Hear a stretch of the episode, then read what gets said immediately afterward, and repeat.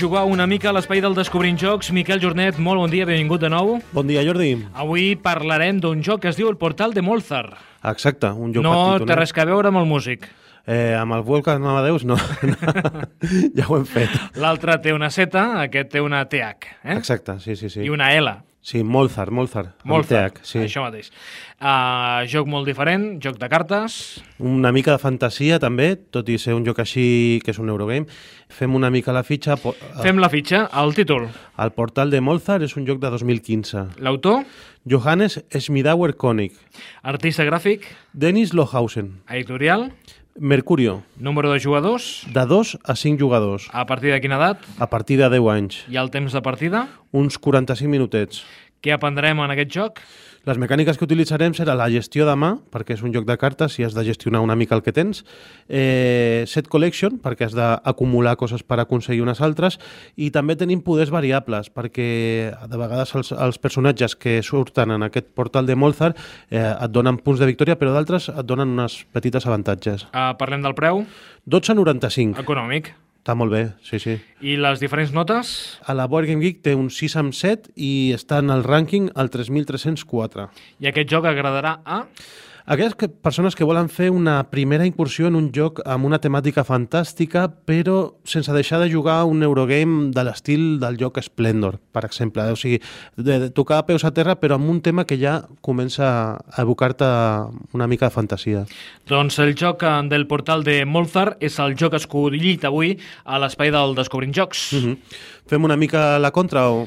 Doncs fem una miqueta la contra. Durante siglos la paz reinó sobre el mundo de Molzar, hasta que un día el mago Anfred destruyó el equilibrio entre el bien y el mal con la magia negra. La oscuridad cayó sobre la tierra y la única esperanza que le quedaba al pueblo era una antigua profecía que decía que un día, cuando fuera el momento justo, un héroe llegaría i libraria al mundo de la oscuridad. No és Sant Jordi, no? Aquest Sí. personatge que apareix. És recurrent, eh, el tema? Sí, sí, sí, sí. Junto con otros intrépidos entraréis en la casa de un anciano del que se rumorea que es un mago. Allí encontraréis varios portales que llevan al mundo de Molzar, poblado por criaturas solo conocidas en mitos y cuentos de hadas. Doncs sí, senyor, és això el que proposa el joc. Totes aquestes històries em recorda també el Senyor dels Anells, eh, bueno, és, és la típica història, fins i tot bola de drac, no? El, els triats eh, per, per resoldre un problema de dimensions eh, eh, mundials. No? Perquè aquesta introducció aquí, que es fa després, un cop ja has creat el joc, suposo, pràcticament ho tens tot, hem de crear una història per acabar d'ambientar, no? Clar, suposo que el prototip serien números i, i lletres o colors i coses així, i al final li has de dotar un tema. I, bueno, està graciós, s'han inventat aquest, eh, aquest món de Molzar i funciona bastant bé. I després les il·lustracions, que és del Dennis Lohausen, que ja és un clàssic en la il·lustració de, dels jocs de taula, eh, funcionen molt bé i són bastant evocadores. Jo mm, no descartaria que d'aquest món de Molzar, que s'han inventat justament per a aquest joc, surtin alguns, eh, alguns altres jocs eh, inspirats en aquest, en aquest món que, que la veritat és que funciona. Joc de cartes. Joc de cartes, si com veus, eh, molt petit, un, en un format molt petit, i també eh, dèiem que agradaria a aquells que també els agrada jugar jocs tipus Splendor. Eh, aquest joc és un Splendor, però reduït en, en capsa, i l'Splendor és atzar zero, pràcticament, i aquest sí que té una mica més d'atzar, però bueno, la veritat és que les sensacions al jugar-ho són molt similars a, al, al gran joc Splendor, que, que també el van portar aquí a, a la secció quan va, quan va ser novetat. Curiositats d'aquest joc, l'autor, Johannes Schmidauer Koenig, va fer un joc al 2012 que era el Dog Royal. El Dog és una mena de parxís que es juga molt a Alemanya que eh, es juga amb cartes. Eh, S'han eliminat els daus i es juga amb, amb cartes, eh, les peces van avançant segons les cartes que vas tirant i tal.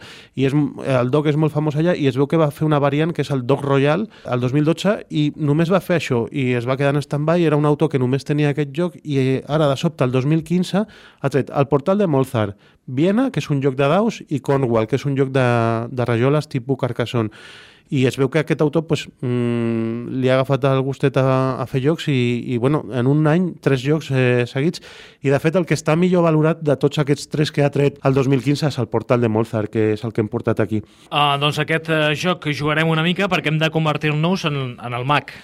Bueno, hem d'anar a casa d'aquest home i eh, anar invocant en els portals, que són aquests mini, mini taulers que tenim cadascun, a diferents personatges que ens van sortint, que podem invocar d'aquest món de, de Molzar, no?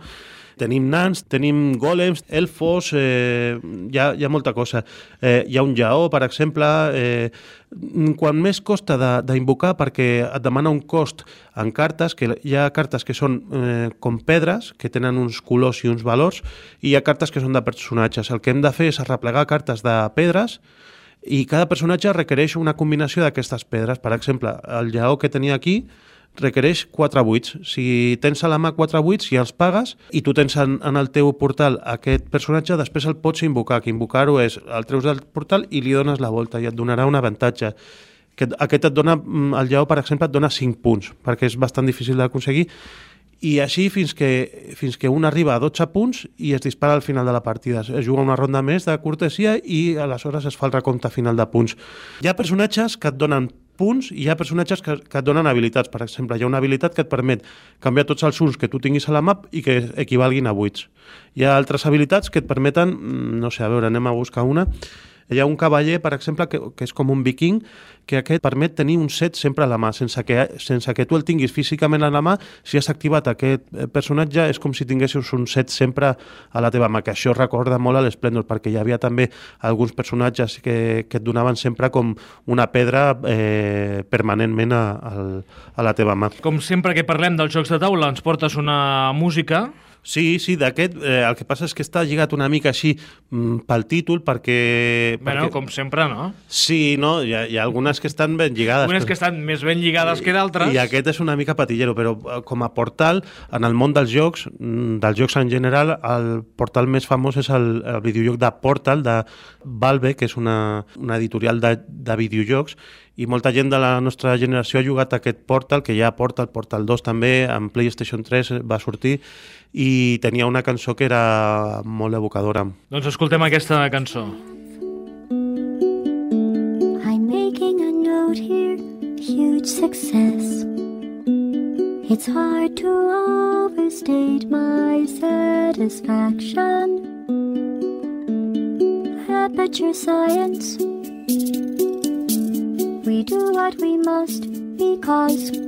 Música tranquil·leta, que també ens servirà avui, Miquel, per fer algunes recomanacions per aquest estiu. Avui és el darrer programa de la temporada. Clar, tu ja em vas eh, situar una mica que estem acabant i que hauríem de fer, i per això el, he portat aquest Portal of Mozart perquè és molt, molt portàtil com a joc per jugar aquest estiu, i si farem quatre recomanacions, algunes ja la gent les intuirà i d'altres també hem portat algunes novetats. Ho farem així molt ràpid. Eh, mira, un joc que està triomfant molt i que per aquest estiu pot eh, funcionar molt bé és Virus, de l'editorial espanyola Trangis Games, que tothom està parlant molt bé d'ell. És eh, de tres autors, eh, Domingo Cabrero, Carlos López i Santi Santisteban. És un joc de cartes de dos a sis jugadors eh, i consisteix en, té molt, molta interacció, consisteix en intentar acabar amb quatre òrgans del teu cos eh, sants. Eh, es juga... No, no, és, és un tema molt, que sembla molt seriós així explicat, però després amb unes il·lustracions molt, molt bufones i molt, molt simpàtiques, el joc eh, el pots jugar fins i tot amb nens i tal. Consta d'infectar els altres i curar-te tu, i vas fent això. Si, si arribes... déu nhi joc, eh? Sí, sí, sí, sí és, és, és molt així, el tema és molt sèrio, però després eh, jugant-ho eh, s'entén molt bé i Virus, és molt familiar. és aquest joc de 2 a 6 jugadors. Què més tenim? Sí, després tenim el Hive Pocket, que aquest ja és un clàssic, és un joc de 2001, ha sortit en diferents edicions, es, es coneixia com la Colmena o Hive, i Hive Pocket és la versió de, de butxaca d'aquest joc que és unes peces de baquelita que, que tenim una, una vella, tenim formigues, tenim aranyes, i juga un jugador contra l'altre. És un joc per dos jugadors, però per lo portàtil que és, és un clàssic en les recomanacions de jocs eh, per anar a la piscina, per anar a la platja, per viatjar en un avió, el que sigui, perquè en una bosseta tu portes tot i partides a dos jugadors són, són molt ràpides i té tipus així, estratègia tipus escacs, dames, eh, perquè és molt abstracte, és, eh, hi ha poc atzar, és, al final guanya el que millor s'ho munta i està molt bé també. Després tenim un joc que és el Código Secreto, que ja em vas parlar d'aquest joc. Sí, però ho tornem a recomanar perquè ha sortit l'edició en català, que com a codi secret. De Vira ha fet les dues versions, en castellà i en català, que dius, serà una mera traducció de les cartes? Eh, si teníem una carta que posava avió, ara posarà avió? No eh, perquè hi ha un codi de traducció d'aquest eh, joc eh, des de l'autor, el Vladas Batil, que és un autor txec, i aquest autor diu que cada llengua l'ha de traduir amb, amb diferents codis de polisèmia de les, de les paraules perquè eh, no, una mera traducció no funcionaria. El nostre lloc és molt diferent, les paraules que tenim en, en el lloc en castellà o en català són diferents a les del lloc en anglès, perquè el lloc funcioni hi ha un codi de traducció i, i aquí s'ha respectat i el lloc en castellà i el lloc en català tenen paraules diferents però perquè funcioni igual. És de dos a vuit jugadors. I finalment l'últim joc, Juego de Trenes. Juego de Trenes, això és d'una editorial nova que ha sortit, que és eh, SD Games, que ve d'una distribuïdora que és eh, Distribucions SD, que ha començat a, a publicar els seus mateixos jocs i ha tret la Isla de Sky, que és un joc que van portar aquí quan encara només estava en anglès, eh, l'ha tret en castellà, i també ha tret aquest eh, joc que és un joc molt portàtil també de cartetes, que es diu Juego de Trenes, de 2 a 4 jugadors, i és d'autors russos, que és l'Alexei Konov, l'Alexei Paltsev i Anatoly Sliakov. O sigui que és un joc molt, molt xulo d'anar intentant recombinar el, els teus vagons de tren perquè al final tinguin una numeració correlativa i ràpid, familiar i entra molt bé també. Doncs hem pogut eh, comprovar també al llarg d'aquesta temporada que de jocs de taula hi ha per tot tipus de, de públic, que les mecàniques n'hi han moltes i de diverses, que ens ho podem passar molt bé i que tothom té el seu joc de taula preferit. Segur, eh? això segur. Proveu aquest estiu aquestes recomanacions i ja ens dieu.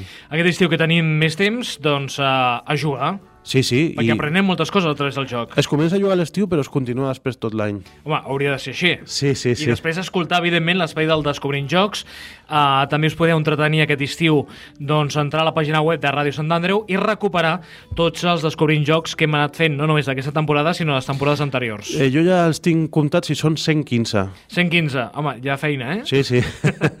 ja feina. Doncs, Miquel Jornet, gràcies per acompanyar-nos aquesta temporada uh -huh. i al setembre eh, tornem, tot i que aquest estiu anirem recordant doncs, algunes de les accions que ja hem anat fent. Eh? Perfecte, Jordi, ens veiem. Bon estiu, Miquel. Igualment, Jordi.